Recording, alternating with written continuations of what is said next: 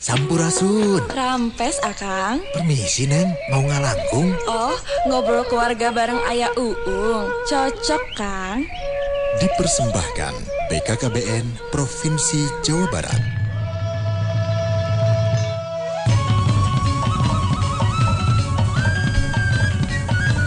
Masih dari kawasan Jalan Ekman nomor 20 pendengar Trijaya selamat sore untuk Anda semua. Fajar Wira Subrata hadir lagi menemani Anda di program satu bulanan kita di tiap minggu kedua. Akan hadir program Ngalangkung Ngobrol Keluarga bareng Ayah Uung alias Dr. Andes Kusmana.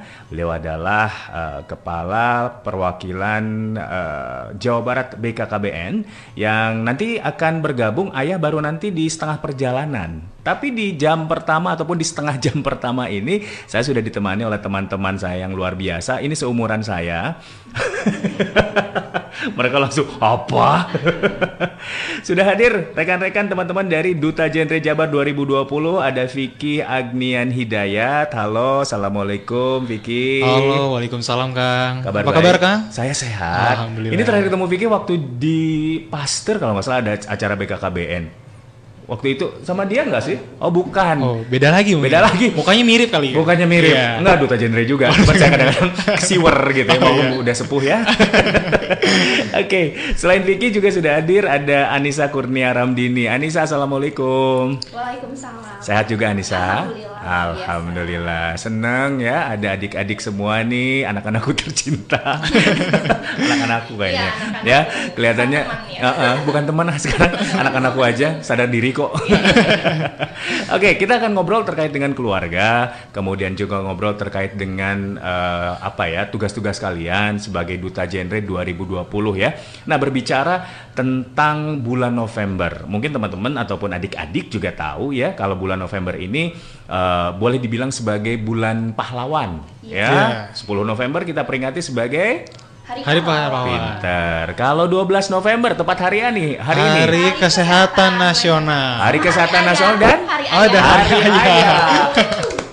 Luar biasa ya hari Betul. Kenapa kita pilih eh, lebih ke tema Hari Ayah? Karena memang ayah juga merupakan Sosok pahlawan, pahlawan. untuk kita semua. Seperti kita ketahui bahwa ayah ini memiliki peran yang begitu luar biasa untuk keluarga ya, untuk Anissa dan juga untuk Vicky. Nah, di hari ini kita mengangkat tema tentang pahlawanku sepanjang masa, which is ayah ya.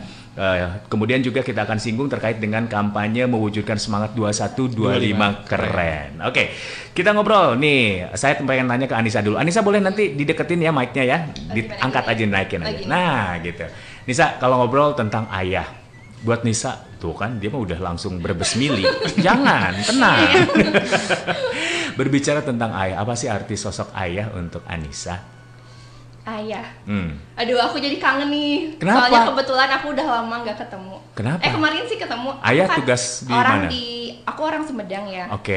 Nah, tapi aku tinggal di Cimahi gitu. Ah, deket. jadi iya tapi kan. Oh, oh sih emang. gitu. Ah, ah. Kalau buat aku ayah adalah seorang yang paling pintar dan juga pahlawan Hmm. untuk hidupku.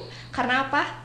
Ayahlah yang mengajarkan aku bagaimana caranya berjalan di dunia ini, di Ah. dunia yang keras ini. Mhm. Terus gimana caranya naik sepeda, naik Hmm. motor, Hmm. naik mobil, dan Hmm. gimana caranya kita terus menjalani hidup ini dengan damai, dengan bahagia kayak gitu. Ayah itu sosok pahlawan. Kata orang ayah itu adalah cinta pertama anak Iya, perempuannya. Bener, ya? Bener-bener. Itu ka- sampai bikin kamu ngerasa begini nggak sih? Eh, aku kayaknya kalau nyari pasangan nanti Iya, kayaknya harus kayak ayah. Iya, gitu nggak sih? minimal kayak papa aku gitu. Oke, jadi sangat mendalam ya Iya, arti bener seorang banget. ayah. Iya, Oke. sangat mendalam banget. Kalau ke Vicky, Vicky gimana nih sosok ayah untuk seorang anak laki-laki? Oke, kalau misalkan dari Vicky sendiri ya namanya anak laki-laki gitu ya. Karena Mm-mm. kita dapat kena marahnya tuh dari seorang ayah karena kita bandel misalnya. Bener, bener. Terus misalkan kita susah disuruh uh, ngebantuin, misalkan ada suruh masang lemari kita Hmm. ogah-ogahan gitu ya. Hmm. Kang, jadi sebenarnya uh, tapi kita belajar banyak dari uh, sosok ayah gitu. Ah. Karena uh, Vicky sendiri sekarang uh, kakak udah pada berkeluarga semuanya Oke. dan otomatis sekarang Vicky yang menjaga kedua orang tua, mau Hmm. ayah sama mama di rumah gitu sebagai uh, anak laki-laki yang terakhir. Jadi Hmm. intinya uh, banyak belajar dari ayah juga gitu karena itu tadi ayah banyak kayak ternyata dari belajar di masang lemari itu Vicky jadi belajar gitu. Oh, berarti seorang laki-laki, seorang eh, anak laki-laki tuh nanti bakal menjadi seorang ayah gitu. Betul. Jadi dari hal-hal yang paling kecil aja kita udah banyak belajar gitu dari ayah gitu. Belajar tentang kepemimpinan juga Mm-mm, ya. iya, Karena gitu. mau nggak mau yang namanya sosok ayah adalah pimpinan imam kita dalam Iya. keluarga ya. Eh, seberapa mengidolakannya sih kalau Anissa sama ayah? Idola. Aku sangat mengidolakan banget. Uh, luar Apalagi biasa. dalam eh, dalam konteks ketika pengandalian emosi gitu. Ah, Eh, walaupun ayah aku di militer ya, Hmm. Kang, tapi ayah aku tuh nggak pernah mengerasin aku gitu, Ah, nggak pernah ngebentak aku, nggak Hmm. pernah main fisik sama sekali. Malahan kalau papa aku, kalau misalnya udah manggil kamu, itu tandanya udah marah.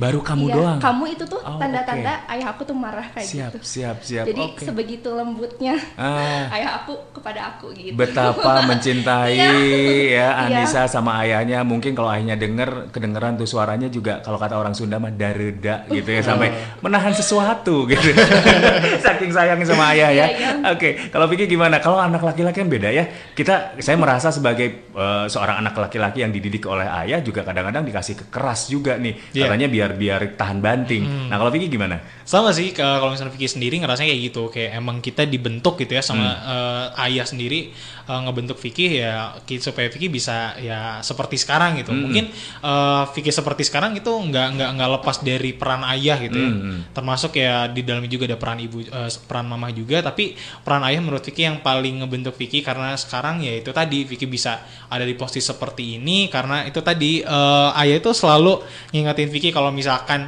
ada eh, kesalahan sedikit gitu ya contohnya untuk untuk misalkan Vicky eh, marah gitu ya sama mama gitu pasti eh, ayah yang selalu negor gitu Hmm. misalkan Vicky bikin nangis mama gitu selalu Aha. negor gitu kamu nggak boleh kayak gitu sama mama sen- kamu sendiri gitu karena ya kamu bayangin aja kamu eh, lahir dari sosok mama Betul. gitu ya nah kamu bisa menghargai itu dengan baik gitu Hmm. jadi intinya Vicky banyak belajar dari sosok ayah yang emang eh, ngebentuk Vicky seperti eh, saat ini tuh ya karena ayah itu sendiri gitu. Oke, judul hari ini berarti memang tepat sekali ya, pahlawan sepanjang masa. Iya, tepat Iya. banget. Sebelum kita lebih lanjut eh, mengarah ke obrolan kita tentang eh, yang kampanye eh, semangat 2125 keren ini. Saya pengen kasih kesempatan buat kalian berdua in case ayah kalian mendengarkan apa yang ingin kalian sampaikan. Mumpung hari ayah. Iya bener sih. Silakan. Aduh. Ayah. Wah Ica kayaknya terharu Iya banget makanya ya. dia udah lagi kena banget. Iya. Kalau udah bahas soal orang tua, Eh. aku tuh kayak nggak kuat gitu. Eh, eh, eh. gitu. Ya, assalamualaikum papa, selamat sore. Em, aku mau ngucapin selamat ulang tahun juga buat papa, walaupun ulang tahunnya kemarin tanggal Oke. 4 November. Eh, doa terbaik buat papa ya. Aku mau bilang makasih banyak udah ngedidik aku sampai sekarang, udah selalu nge-support apa yang aku mau. Terus juga ya aku tahu walaupun di depan aku gitu sosok papa tuh selalu kuat selalu tersenyum selalu terlihat kuat tapi aku tahu di belakang mungkin papa pasti ngerasa capek gitu untuk ya membiayai hidup kita gitu terus. Tapi aku yang banyak maunya gitu kan. Dan aku mau bilang makasih banyak buat ayah. Semoga panjang umur dan bisa ngelihat aku sukses. Tisu, tisu, tisu, tisu, tisu. Oke, luar biasa. Kalau Vicky, Kalau Vicky intinya eh, seolah ayah ada di Soal depanmu. ayah. Kayak eh, ayah makasih banyak udah ngebimbing dan ngebentuk Vicky sampai saat ini. Maaf banget kalau misalkan Vicky sering bikin marah mama, sering bikin kesel mama sampai ayah harus terus-terusan nasihatin Vicky sampai eh, Vicky akhirnya sadar gitu kalau misalkan Vicky udah melakukan suatu hal yang salah. Terus juga emang kan dulu ayah kerja di luar kota waktu zaman zamannya Vicky SMP nah sekarang eh, Vicky emang sih nggak ngerasain waktu di di SMP itu kurang deket sama ayah eh, beda sama kakak sama AA gitu. Tapi Vicky ngerasa kalau misalkan sekarang eh, ayah itu selalu ada buat Vicky buat Newport Vicky sampai sekarang. Vicky bisa kuliah di ITB pun karena ayah karena ayah selalu eh, nyuruh Vicky untuk rajin belajar dan Vicky sampai saat ini di posisi ini pun berkat dukungan ayah dan juga tentunya mama. Jadi makasih banyak buat ayah dan juga mama. Sehat terus untuk keduanya, amin. Amin, amin ya Allah. Ini talk show apa sih Pak? Baru segmen satu udah ada yang nangis-nangis. Thank you Vicky, thank you Anissa, luar biasa. Itu eh, pendengar Trijaya merupakan eh, satu apa ya cetusan hati dari seorang anak untuk ayahnya tercinta di hari ayah yang jatuh tepat hari ini tanggal 12 November. Sekali lagi selamat hari ayah untuk para ayah seluruh dunia, termasuk saya yang juga seorang ayah dari dua orang anak. Nah. Selamat hari ayah. Selamat hari ayah. Terima kasih ayah. Cuman ayah kita saat ini belum bisa bergabung. Oh, ayah iya. oh, Iya, belum benar, bisa bergabung. ayah. Beliau lagi ada keperluan dulu. Ini lagi ada eh, koordinasi begitu di BKKBN. Nanti kita akan hubungi mungkin sekitar jam 16.30-an lah ya. Kita nanti akan coba via WhatsApp video untuk ngobrol dengan Ayah Uung. Oke, berbicara tentang eh, wujudkan semangat 2125 keren. Ini eh, satu campaign yang sekarang kayaknya lagi gencar nih Iya, betul. dilakukan oleh BKKBN ya. Iya. Eh, sebetulnya campaign ini campaign tentang apa semangat 2125 keren ini? Mungkin bisa dijelaskan. Nanti kalian saling menambahkan. Iya. Siapa yang memulai duluan? Oke, boleh Anissa dulu. Anissa dulu ya, ladies first. Ya, jadi semangat 2125 keren ini program PUP Kang atau pendewasaan usia perkawinan Hmm. di mana kita tuh ngajak nih para remaja kalau mau menikah itu untuk perempuan minimal usianya 21 tahun dulu. Mhm. Terus kalau untuk laki-laki 25 tahun gitu kan. Hmm. Terus em, kenapa sih BKKBN tuh udah menentukan usia itu? Karena kita udah ngelihat dari berbagai sisi, Hmm. mulai dari segi fisik, psikis, ekonomi, sosial, pendidikan dan sebagainya. Intinya seperti Oke, itu. mungkin ditambahkan juga Vicky? Eh, paling itu eh, sendiri kalau misalkan kita di semangat 2125 keren yang emang dibawa sama Provinsi Jawa Barat ini kita pengen nih supaya si remaja itu kan kita pengen nih punya tagline 2125 keren gitu. Hmm. Ngebuat para remaja itu bertanya-tanya dan jadi penasaran gitu dan Iya. juga mudah diingat gitu tagline 2125 keren.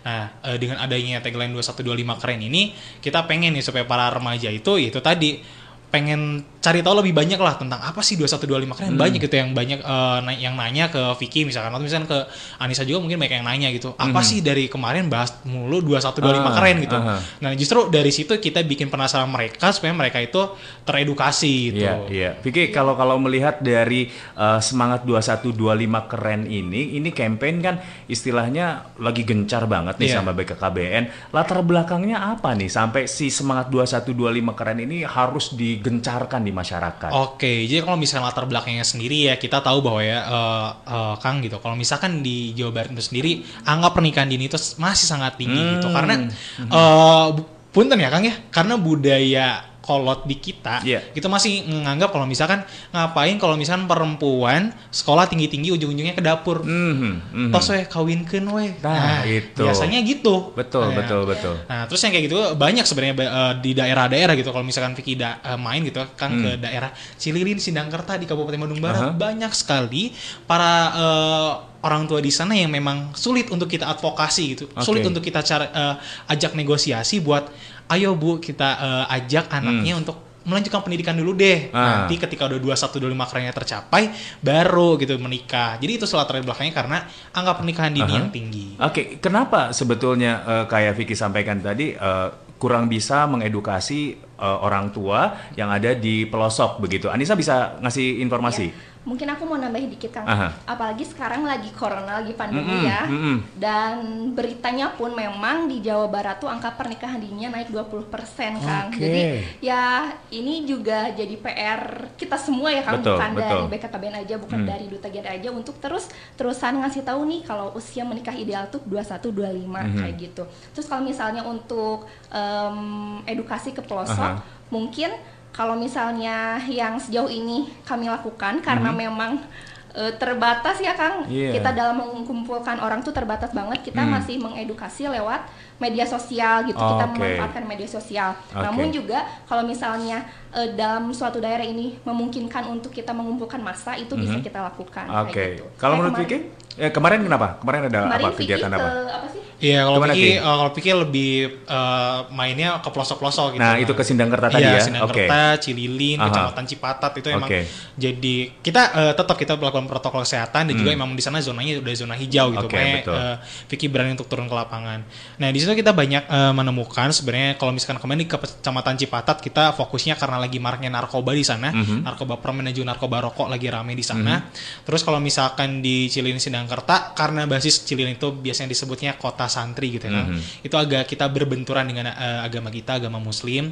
Jadi di situ agak sulit mengadvokasinya. Kita eh, menjelaskannya itu Iya. harus eh, agak sedikit eh, dibenturkan dengan agama dan kita harus pintar-pintarnya kita berbicara kepada mereka, advokasi kita kepada eh, eh, para tokoh masyarakat di sana dan juga para orang tua supaya mereka bisa paham loh oh ternyata pendidikan itu eh, kalau melanjutkan pendidikan nggak cuman eh, me- melakukan pendewasaan usia perkawinan tapi nanti kita bisa punya eh, kualitas diri yang lebih baik ke depannya kayak gitu. Oke, jadi jadi memang eh, masih satu hal yang boleh dibilang cukup eh, sulit juga ya untuk Iya. pendekatan kalau di di daerah pelosok-pelosok begitu ya. Karena ini terkait juga dengan kebiasaan dan lain sebagainya.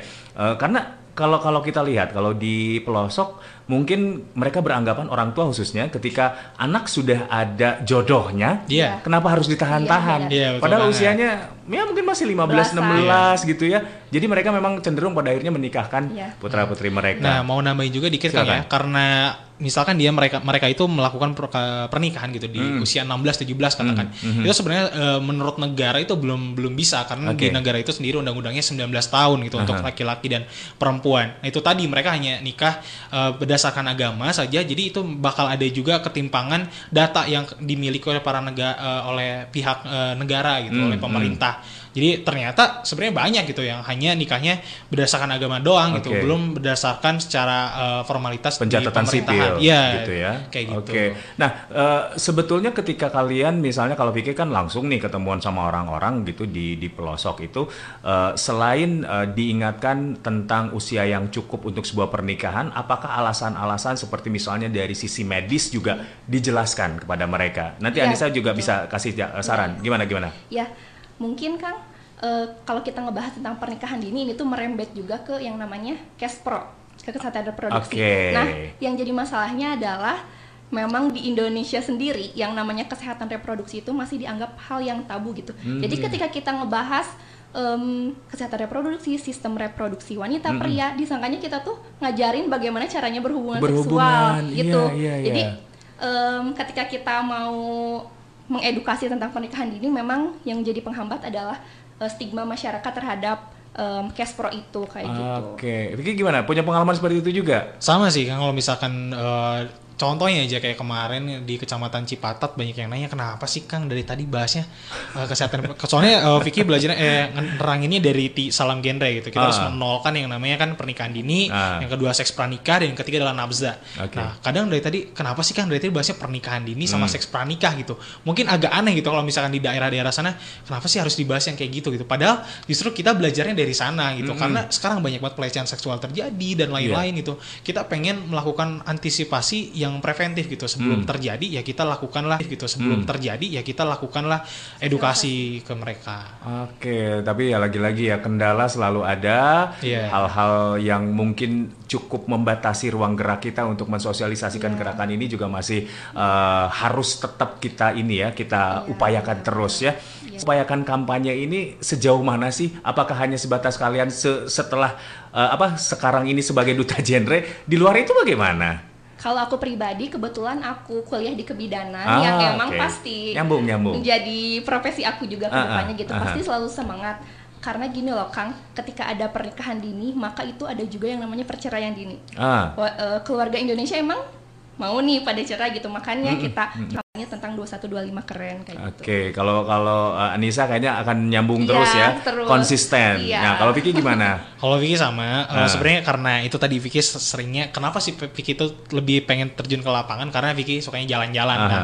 Jadi kalau jalan-jalan itu sekalian refreshing, sekalian nih ketemu orang baru, Aha. kita memperkuat networking juga, silaturahmi sama orang-orang baru. Itu tadi kita tetap ngebawa yang namanya semangat 2125 keren gitu. Karena apa ya?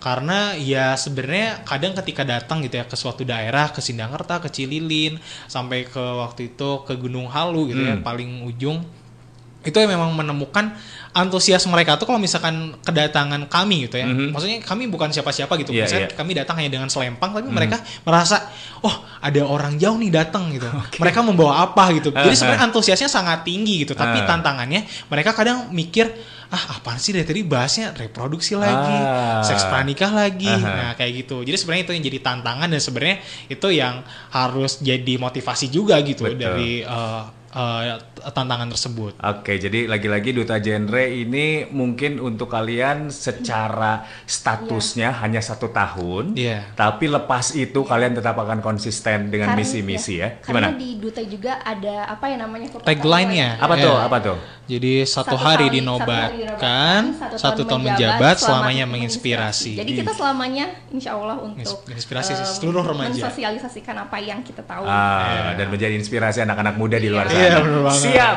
Vicky dan juga Anissa kita nanti akan lanjutkan lagi perbincangan kita. Masih ada beberapa pesan yang harus saya putarkan untuk anda pendengar Trijaya mungkin ingin bergabung menyampaikan informasi ya tentang keluarga ataupun juga tadi semangat 2125 keren ataupun mungkin juga pertanyaan kepada teman-teman dari Duta Genre 2020 sampaikan langsung di 0811 913913. Kami akan kembali sesaat lagi.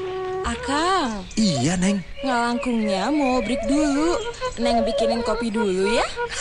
Cocok, Neng. Supaya nggak panik kan?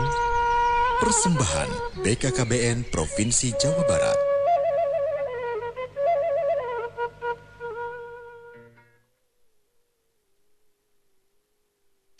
Waspada penularan COVID-19 klaster keluarga. Klaster keluarga terjadi saat salah satu anggota keluarga terinfeksi virus, lalu menularkan ke anggota keluarga lainnya. Jangan menganggap remeh, selalu tetap memakai masker, mencuci tangan dan menjaga jarak, serta tidak berkerumun atau hindari keramaian yang tidak penting. Sayangi keluarga, jangan bawa virus ke rumah kita. Selalu disiplin dan taat dalam menjalankan protokol kesehatan adalah hal terbaik untuk mewujudkan Jawa Barat terbebas dari COVID-19. Pesan ini dipersembahkan oleh Humas Jabar dan PR SSNI Jawa Barat. Punten, ikut ngalangkung. Sok mangga kan, jalannya juga sepi. Punten atuh ah, ikut ngalangkung. Mangga, silahkan kalau mau lewat mah sok angcung. Eh, saya mau bukan mau lewat, saya mau ngalangkung. Ngobrol sebangsaning keluarga bareng ayah Uung. Oh, ayah Uung. pulang dari kantor. Assalamualaikum, Yayang. Eh, Yayang cantik sekali sore ini. Berbunga-bunga. Tunamina, urusan hamil, urusan menyusui, urusan ngurus anak, ngedidik anak. Eta sadayana sering diserahkan kepada ibu-ibu. Tapi lamun budak atau soleha, soleh, bager, pinter, disebat siapa dulu bapak. Ngalangkung, ngobrol seputar keluarga bareng Ayah Uung, Kepala Perwakilan BKKBN Provinsi Jawa Barat. Ngariung tiap Kamis, minggu kedua. Hayo ngobrol, sampaikan dan temukan solusi keluarga di program Ngalangkung. Ngobrol seputar keluarga bareng Ayah Uung. Sok gerak dari ngariung, ngobrol sambil ngopi supaya nggak panik. Santai kok. Semakin banyak anak, banyak rezeki. Koma, Ada apa lagi? banyak anak, banyak rezeki yang harus dicari. Program kerjasama Kantor Perwakilan BKKBN Provinsi Jawa Barat dan Trijaya FM Bandung. Special season, special audition. Special season, special talent. Special season, special teknik. Special season, special karakter. Special season, special judges. Hai Idol Lovers, welcome to new chapter of Indonesian Idol. Inilah saat yang ditunggu-tunggu. Jangan sampai kelewatan keseruan pencarian calon idola kalian di babak audisi. Setiap Senin dan Selasa, jam 9 malam hanya di RCTI dan live streaming di aplikasi RCTI Plus.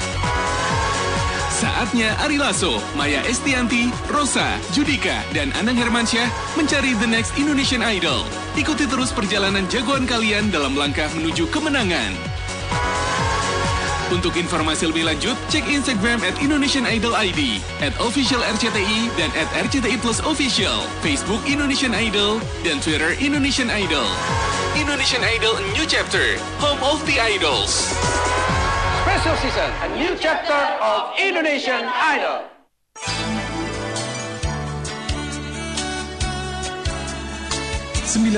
poin tiga Trijaya FM Bandung. Masih ngobrol keluarga bareng Ayah Uung kan? Iya, Akang. Kopinya atuh Neng, supaya nggak panik. Siap, Akang.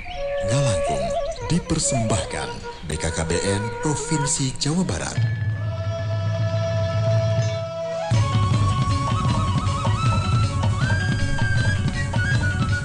Punten, badai ngalangkung. Sok jawabannya apa? Mangga. Pinter.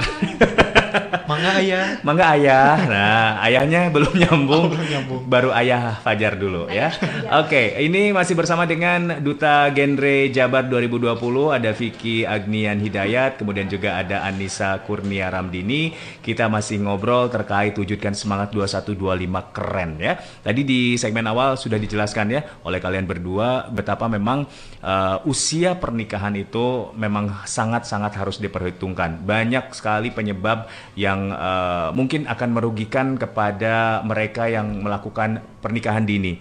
Ini tuh sebetulnya uh, satu hal yang uh, dipaksakan tidak sih menurut kalian kepada teman-teman atau saudara-saudara yang seumuran kalian lah gitu karena mungkin mereka juga secara dalam pikiran mungkin ah yang nikah nikah saya kok ya mungkin itu kalian temukan di Iya. di, di di apa kesah bukan keseharian di di dunia nyata Iya, gitu ya iya. nah ini gimana nih menurut kalian Kalau kita ya Kang di genre itu kita mengupayakan promotif dan preventif. Hmm. Jadi kalaupun misalnya ada orang setelah kita melakukan sosialisasi secara komprehensif, jadi Mhm. kita bakalan jelaskan sejelas-jelasnya. Oke. Tetapi ketika orang itu ingin melakukan hal itu ya Mhm. silakan gitu. Yang penting kita udah mengasih tahu hal yang baik gitu kayak gitu. Ah, yang penting sudah Iya, diinformasikan, sudah diinformasikan. keputusannya kembali lagi. Oke. Kalau Vicky pernah punya pengalaman apa?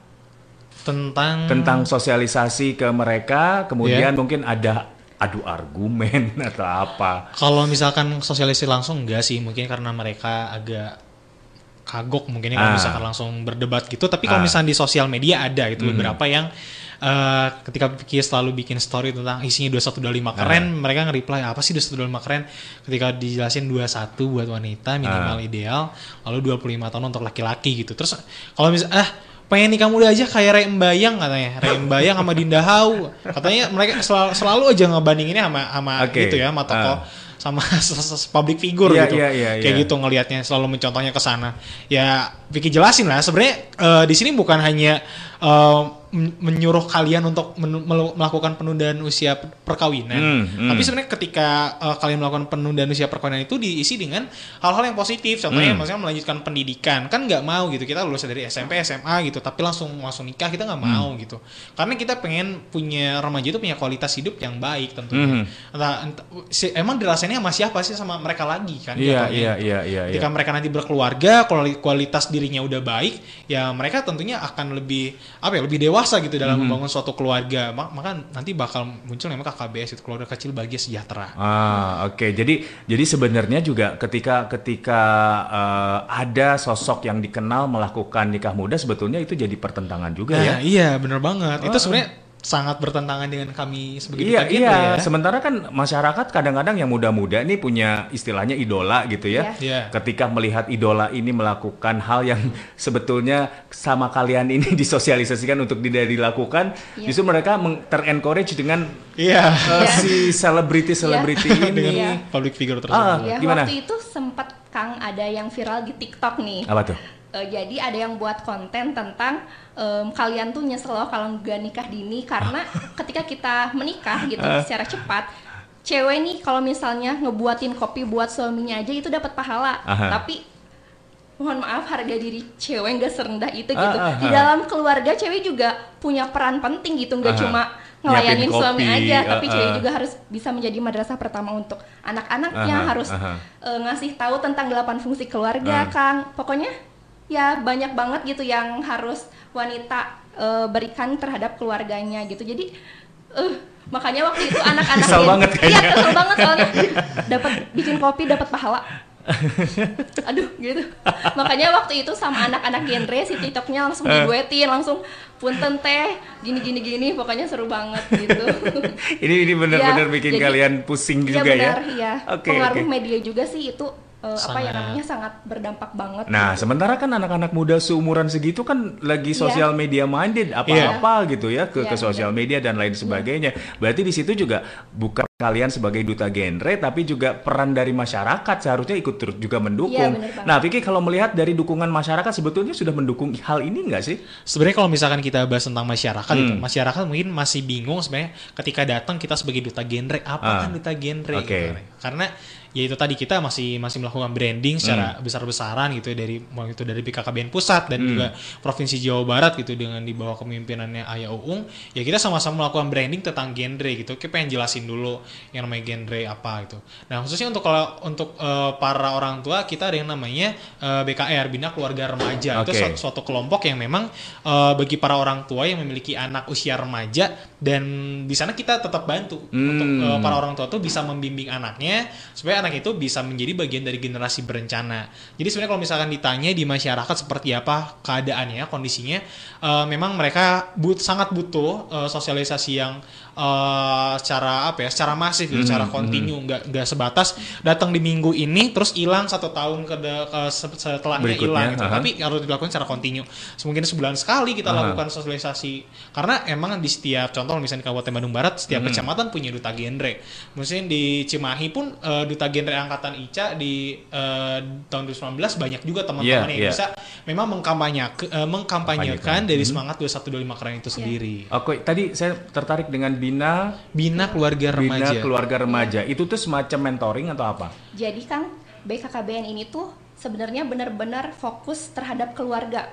Jadi Oke. ada BKL, ada Tribina Kang namanya ada Mhm. BKL, BKR sama BKB. Hmm. Kalau BKL itu isinya orang tua yang punya eh, lansia. Oke. Terus kalau BKR orang tua yang punya remaja, kalau Mhm. BKB itu orang tua yang punya balita gitu. Jadi Ah, oke. BKKBN tuh nggak cuma ngasih tahu ke remaja aja, tapi Aha. ke orang Setiap tuanya, anggota keluarga. ke Iya. lansianya itu di Dari berbagai usia lah ya. Iya, Oke. gitu. Jadi Nah, nah itu gimana? Maksudnya di di Bina keluarga remaja itu apa yang dilakukan? Hanya sosialisasi saja kah atau bagaimana? Ya jadi di P- di BKR ini sosialisasi pasti ada dan juga eh, kita tuh memberdayakan bagaimana caranya nih keluarga tuh eh, ibu-ibu tuh bisa juga membantu misalnya perekonomian keluarganya Hmm. gitu. Jadi ketika ibu-ibu masuk ke BKR Mhm. diharapkan nih remaja remaja remajanya tuh masuk ke PIKR Oh, oke. atau pusat informasi dan konseling remaja gitu kayak gitu kan. Jadi Ah. bersinergi lah antara satu eh, orang dengan orang yang lainnya di dalam keluarga tersebut kayak gitu. Ah, oke. Ini ada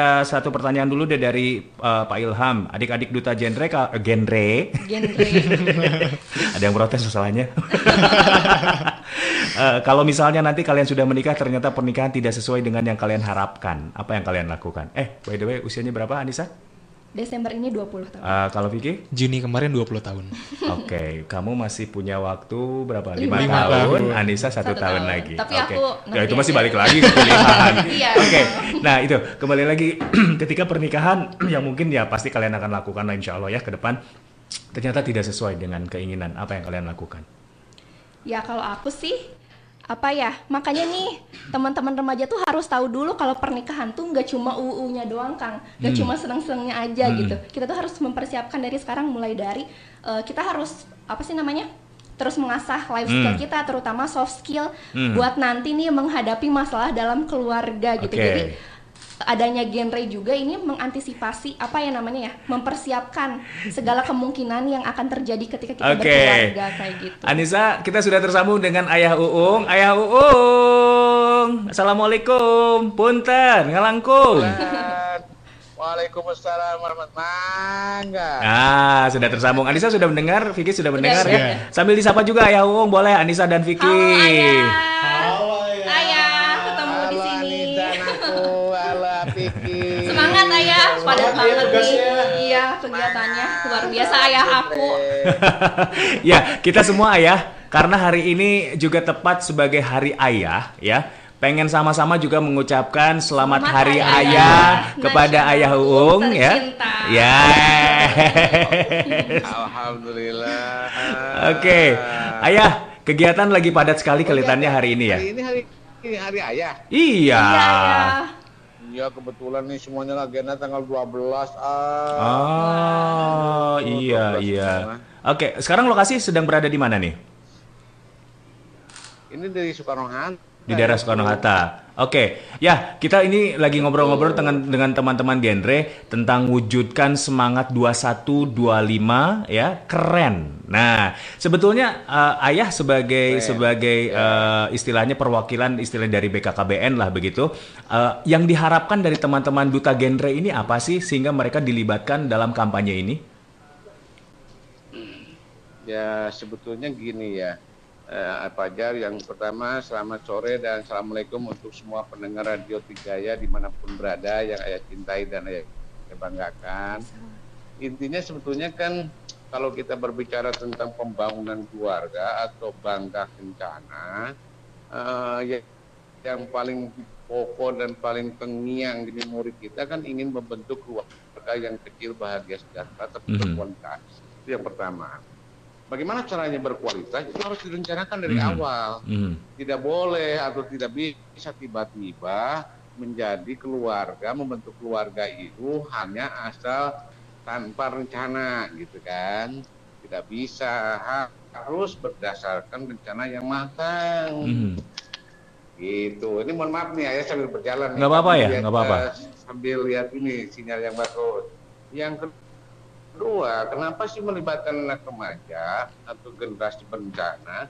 Karena yang akan berkeluarga itu harus diawali dari perencanaan. Siapa Mhm. yang akan berencana, yang akan melakukan atau yang akan membentuk keluarga itu? Pasangan-pasangan. Mhm. Remaja itu kan calon pasangan gitu Kang Fajar. Mhm.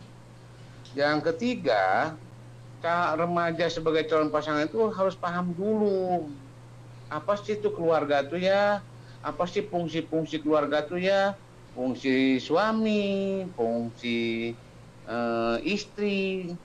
Nah, untuk memahami fungsi suami, fungsi istri itu di dalam program Bangga Kencana Mhm. namanya memahami kesehatan reproduksi remaja. Ah, oke. Gitu. Yang yang membimbing mereka eh, selama ini dalam masa tugasnya eh, dari mana saja ya eh, dari pihak BKKBN? Mereka dilengkapi dengan amunisi apa?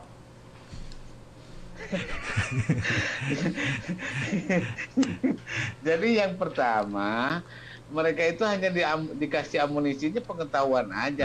Aja. ah. Eh, kenapa hanya pengetahuan? Yang karena itu yang paling penting pengetahuan. Pengetahuan apa ya? Pengetahuan kesehatan reproduksi bagi remaja. Mhm. Yang paling tidak minimal dengan tiga tiga hal ya hindari. Mhm, Jangan menikah di usia muda. Ya. Karena menikah di usia muda itu kurang bagus. Jangan anak-anak sudah anak Hmm, kan. hmm. Yang kedua jangan melakukan hubungan Ya. suami istri kalau belum nikah. Karena itu melanggar norma sosial, norma agama, dan norma negara. Hmm. Yang ketiga jangan menggunakan atau mendekati narkoba. Hmm. Nah, informasi-informasi ini penting disampaikan kepada mereka. Terus Mhm. pertanyaan berikutnya, ya kenapa tidak boleh menikah di bawah 20 tahun? Iya, iya. Gitu kan. Ini kesehatan reproduksi. Karena perempuan itu atau anak putri itu diciptakan oleh Allah Subhanahu wa taala, Tuhan yang Maha Esa ternyata pinggulnya itu kalau belum 20 tahun ukurannya kurang 10 cm. Kalau Ah. sudah di eh, kalau su- sudah di atas 20 tahun ukuran pinggulnya itu sudah di 10 cm. Mhm, mhm, mhm. Kalau Oke. dia mengandung kemudian punya bayi, melahirkan kepala bayi itu rata-rata ukurannya itu 9,7 sampai 9,8 cm. Mhm, mhm, mhm. Jadi kalau pinggulnya belum 10 cm ya susah melahirkannya kan. Oke, oke. Iya, Kalau iya. susah melahirkan bisa pendarahan. Beresiko. Kalau pendarahan bisa meninggal dunia. Mhm, mhm, Gitu. hmm, Oke, oke. Makanya angka kematian ibu tinggi. Hmm, oke. Itu amunisi yang diberikan kepada genera- kepada duta-duta genre, kepada remaja, sehingga duta genre itu bisa menyebarkan lagi kepada yang lainnya. Oke, ya kalau berbicara tentang pernikahan dini di Jawa Barat, eh, tadi Anissa sempat menyampaikan ada satu fakta ternyata di zaman COVID atau pandemi ini ternyata meningkat sampai 20% ya, eh, Anissa ya. Nah ini eh, disinyalir kenapa ini? Apa butuh teman untuk menderita bersama?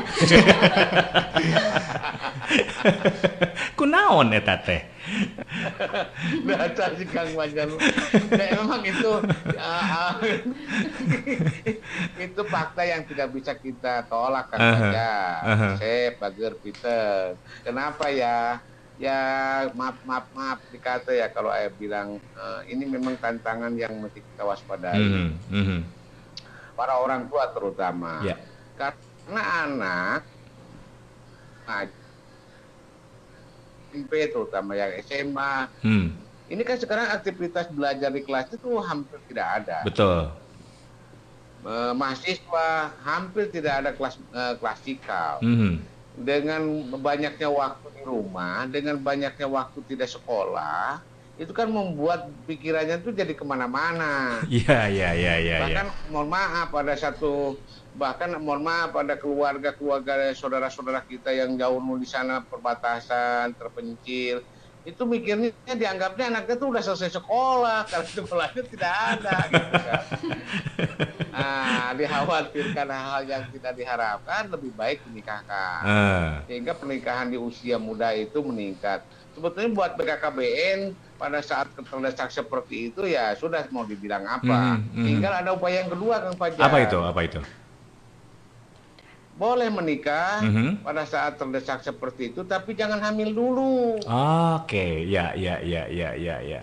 Tunda kehamilannya sampai dia berusia di atas 20 tahun. Hmm. Jadi ini Anissa tuh udah tahu juga sebetulnya dengan Vicky itu. Iya, Kalau betul. mereka harus menunda kehamilan sampai terutama putrinya atau eh, remaja putri atau pengantin perempuannya memakai alat kontrasepsi sementara. Mhm, mhm, mhm, mhm. Yaitu pil KB.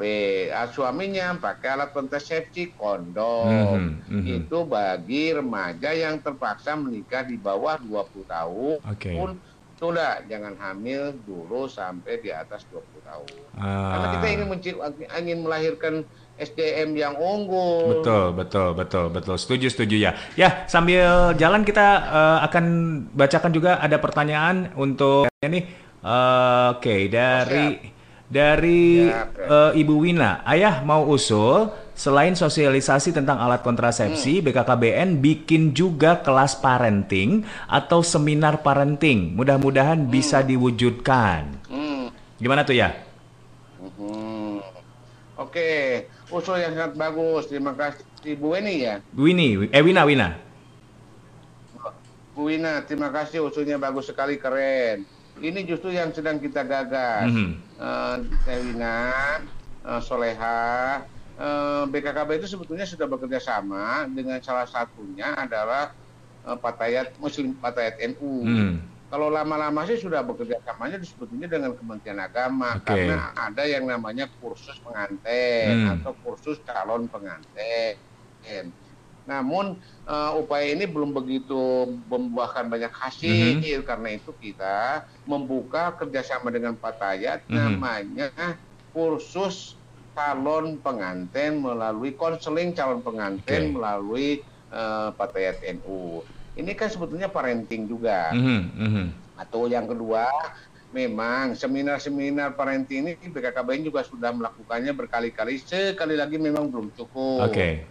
Karena yang namanya eh, seminar itu, itu kan penyebarannya, penebaran informasinya kan kadang-kadang hanya sepihak. Mhm, mhm. Narasumber aja, apalagi pada saat seperti ini Iya, ya, Kang Fajar. iya, iya, virtual betul. meeting.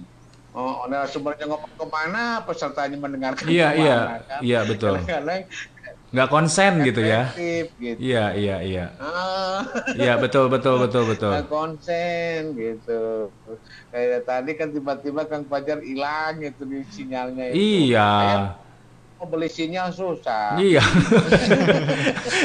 Malah di handphonenya digitu-gituin biar keluar sinyalnya. ya, oke. tapi memang ada rencana ya ya untuk untuk parenting ini eh, ke depan mungkin akan ada dilakukan ya oleh BKKBN. Siap, siap. Oke, ya sebelum eh, berlanjut eh, ke pertanyaan ke teman-teman duta genre, ini ada juga pertanyaan berikut masih dari eh, pendengar kita dari Pak Zaki ini.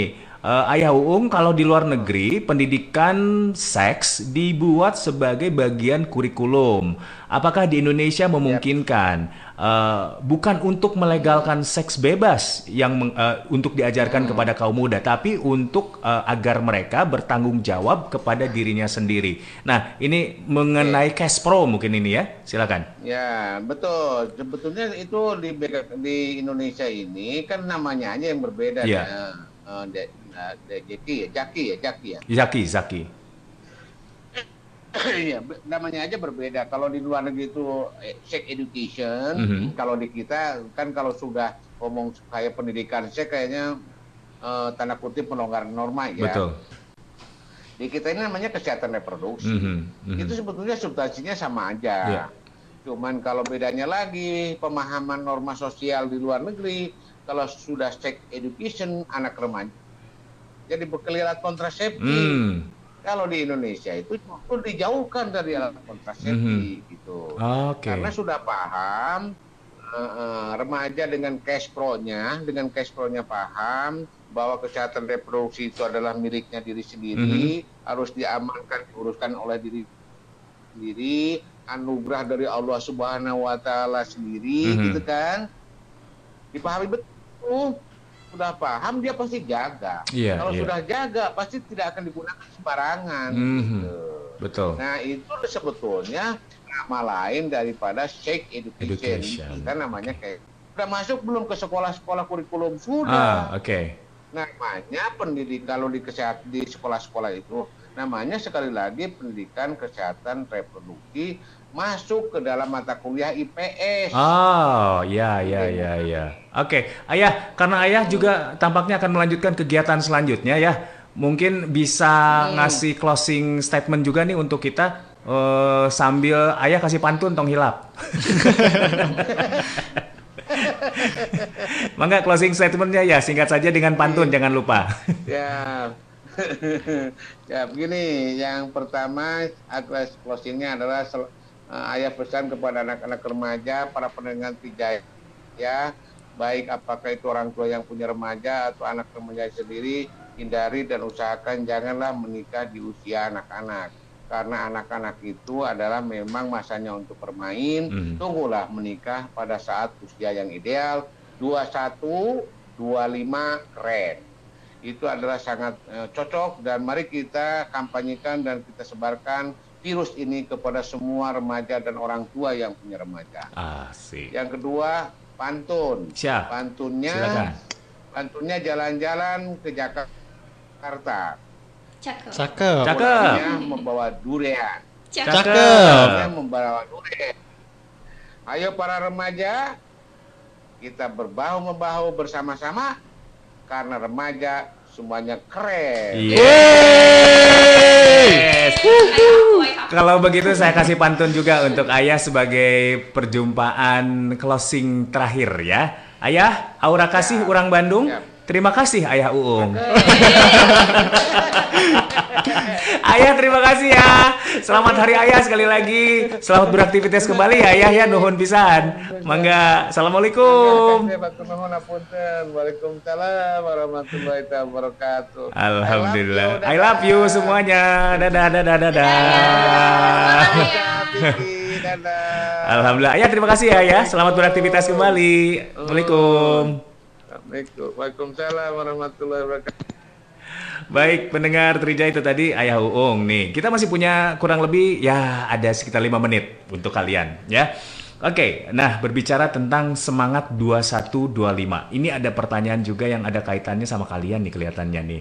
Oke, eh, eh, eh, eh, eh, kita lihat. Nah, dari Pak Irawan atau Kang Irawan, kalau boleh tahu katanya para duta genre ini punya cita- cita-cita menikah di usia berapa? Apa arti keluarga untuk kalian berdua? Nah, iya harus tahu dong. Anissa Iya. dulu. Aku Udah kebayang belum? kebayang sih Hmm. karena setelah aku rencananya nih setelah lulus S1 Ah. kalau ada jodohnya Ah. ya menikah gitu. Tapi nyari kerja dulu gitu. Ah. Jadi sekitar umur 23 atau 24 Oke. gitu. Terus kalau arti keluarga keluarga adalah rumah Ah. dan memang itu bukan hanya kata-kata tapi itu Bener-bener. rumah tempat kita pulang, Oke. rumah tempat kita berkeluh kesah, walaupun kita melakukan kesalahan apa pun, tapi keluarga tetap akan mensupport kita bagaimanapun Oh. keadaannya. Ujung-ujungnya selalu kembali ke rumah. Iya benar-benar. Apa pun yang terjadi. Apa pun yang terjadi. Oke. Jadi usia berapa? 23 apa 24? Tetap muda. Tapi nggak apa-apa. Tapi secara fisik, Secara fisik sudah sudah ini. Oke. Oke, Vicky, Vicky. Kalau Vicky cita-citanya di umur 25 Oke. sesuai dengan eh, dari eh, program DBKKB Eh, sendiri. eh. Ya karena eh, lulus di 22 tahun ya lumayan lah 3 tahun buat nabung beli rumah yang sekarang udah harganya 1,5 M, beli mobil, beli ya, dan Oh, lain-lain. aduh, ngeri-ngeri Sekaligus ya. kita nyiapin dimensi lain kayak Ah. misalnya kita nyiapin mental, kita nyiapin eh, keterampilan hidup, kita Ah. nyiapin intelektual Ah. dan lain-lain kayak Oke, gitu. jadi di usia 25 dipasin aja ya. Iya. Oke, sip. Terakhir bisa kalian kasih himbauan juga nih siapa tahu ada para orang tua yang saat ini mendengarkan pembicaraan kita yang memiliki anak-anak remaja yang ternyata punya pilihan pengen menikah muda atau juga ada pendengar kita yang di usia muda saat ini juga ingin mendapatkan uh, insight nih dari kalian terkait dengan semangat 2125 keren ini. Silakan dari Anissa. Aku ke remaja boleh? Boleh ke remaja silakan. Halo teman-teman remaja Indonesia, kamu yang usianya 10 sampai 24 tahun dan belum menikah, yuk kita jadi pahlawan. Pahlawan untuk diri sendiri, pahlawan untuk keluarga, pahlawan untuk bangsa, pahlawan untuk Indonesia dengan cara menghindari pernikahan dini agar kelak nanti kita bisa membangun keluarga kecil yang sejahtera dan juga membantu Indonesia dalam mewujudkan bonus demografi. Karena nih teman-teman remaja adalah energi untuk membangun negeri dengan berbagai strategi. Hai, mantap. Nggak salah dipilih jadi duta genre. Vicky, kalau Vicky gimana? Oke, kalau dari Vicky, Bung Karno pernah mengatakan bahwa uh, perjuangan kita uh, saat ini akan lebih berat karena kita melawan bangsa sendiri, bukan melawan seorang penjajah. Nah, maka dari itu kita bakal uh, seorang remaja itu bakal namanya kita mem- apa ya? Kita melawan diri kita sendiri. Kita harus ke keluar, berani keluar bahwa kita harus dobrak uh, apa yang menjadi distraksi dalam diri kita supaya kita mau nih, kita mau ngikutin, kita mau mensukseskan namanya program uh, 2125 keren yang intinya yuk kita sama-sama, kita bareng-bareng suksesin program ini karena kita harus menjadi bagian dari generasi berencana yang tentunya harus punya perencanaan ke depan gak cuman asal-asalan. Hai, mantap juga Vicky, luar biasa. Adik-adik terima kasih ya. Waktu satu jam sebetulnya kurang Iya, untuk ngobrol ya. dengan kalian, nggak kerasa. Apalagi ditambah tadi Ayah Uung juga Iya. sudah ngasih informasi-informasi terkait juga dengan semangat 2125 keren ini. Jadi lagi-lagi ini menjadi satu pertimbangan nih untuk Anda semua pendengar Trijaya, mungkin para orang tua yang memiliki putra-putri yang memang di usia yang masih boleh dibilang dini begitu, ya kita wajib mendengarkan mereka. Eh, istilahnya mereka pengen menikah usia kapan dan lain sebagainya. Tapi selalu berikan juga informasi yang bermanfaat. Menikah itu tepatnya minimal di usia 21 untuk perempuan, 25 untuk laki-laki. Karena lagi-lagi kalau dilihat dari sisi reproduksi mereka sudah siap dan sudah Iya, matang. Kalau mau usia lebih dari 21 ataupun 25 mah ya mangga. Mangga. Mangga ya nggak Sesuai masalah. kalau jodohnya udah ada. Nah, itu. Iya. Dan yang Iya. pasti Soalnya kalau misalkan pastikan usianya dulu. belum tapi jodohnya belum ada. Iya. pastikan dulu jodohnya udah Iya. punya apa belum gitu ya karena kadang-kadang udah usia 30-an belum ketemu jodoh ya mau gimana Iya. ya baiklah sekali lagi teri- eh, terima kasih Vicky terima kasih Anissa sukses untuk kalian kira-kira kalian itu eh, akan menjabat sampai kapan 20 2021 tang tahu eh, bulan apa Oh iya Kang, Eh, mau minta doanya juga nih. Ah. Dan juga dukungan. Kebetulan Betul, bulan betul. ini kita bakalan maju ke nasional untuk mewakili Jawa Oke, Barat. yes. Mohon doa. Modonya teman-teman semua. Iya, iya, iya. Kita doakan lah pokoknya kalian sukses terus ya Iya. dengan dengan eh, jabatan sebagai duta genre 2020. Sekalian tentunya memiliki tanggung jawab yang luar biasa untuk menginspirasi kaum muda di luar sana. Oke, Anissa terima kasih, Vicky terima Iya, kasih. terima kasih juga. Ketemu lagi nanti di lain waktu ya. Siap. Siap.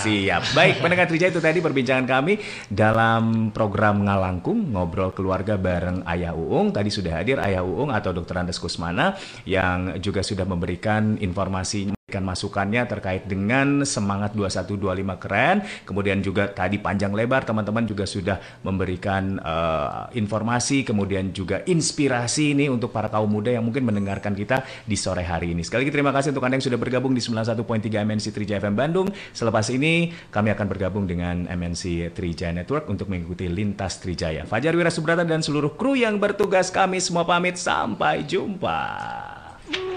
Duh, Neng, udah habis keningan? Iya Akang, bulan depan kita ngobrol keluarga lagi ya di radio ini. Cocok, Neng. Cocok atau Akang, apanan ini teh program kerjasama Trijaya FM Bandung dan BKKBN Provinsi Jawa Barat. Mantap, Neng.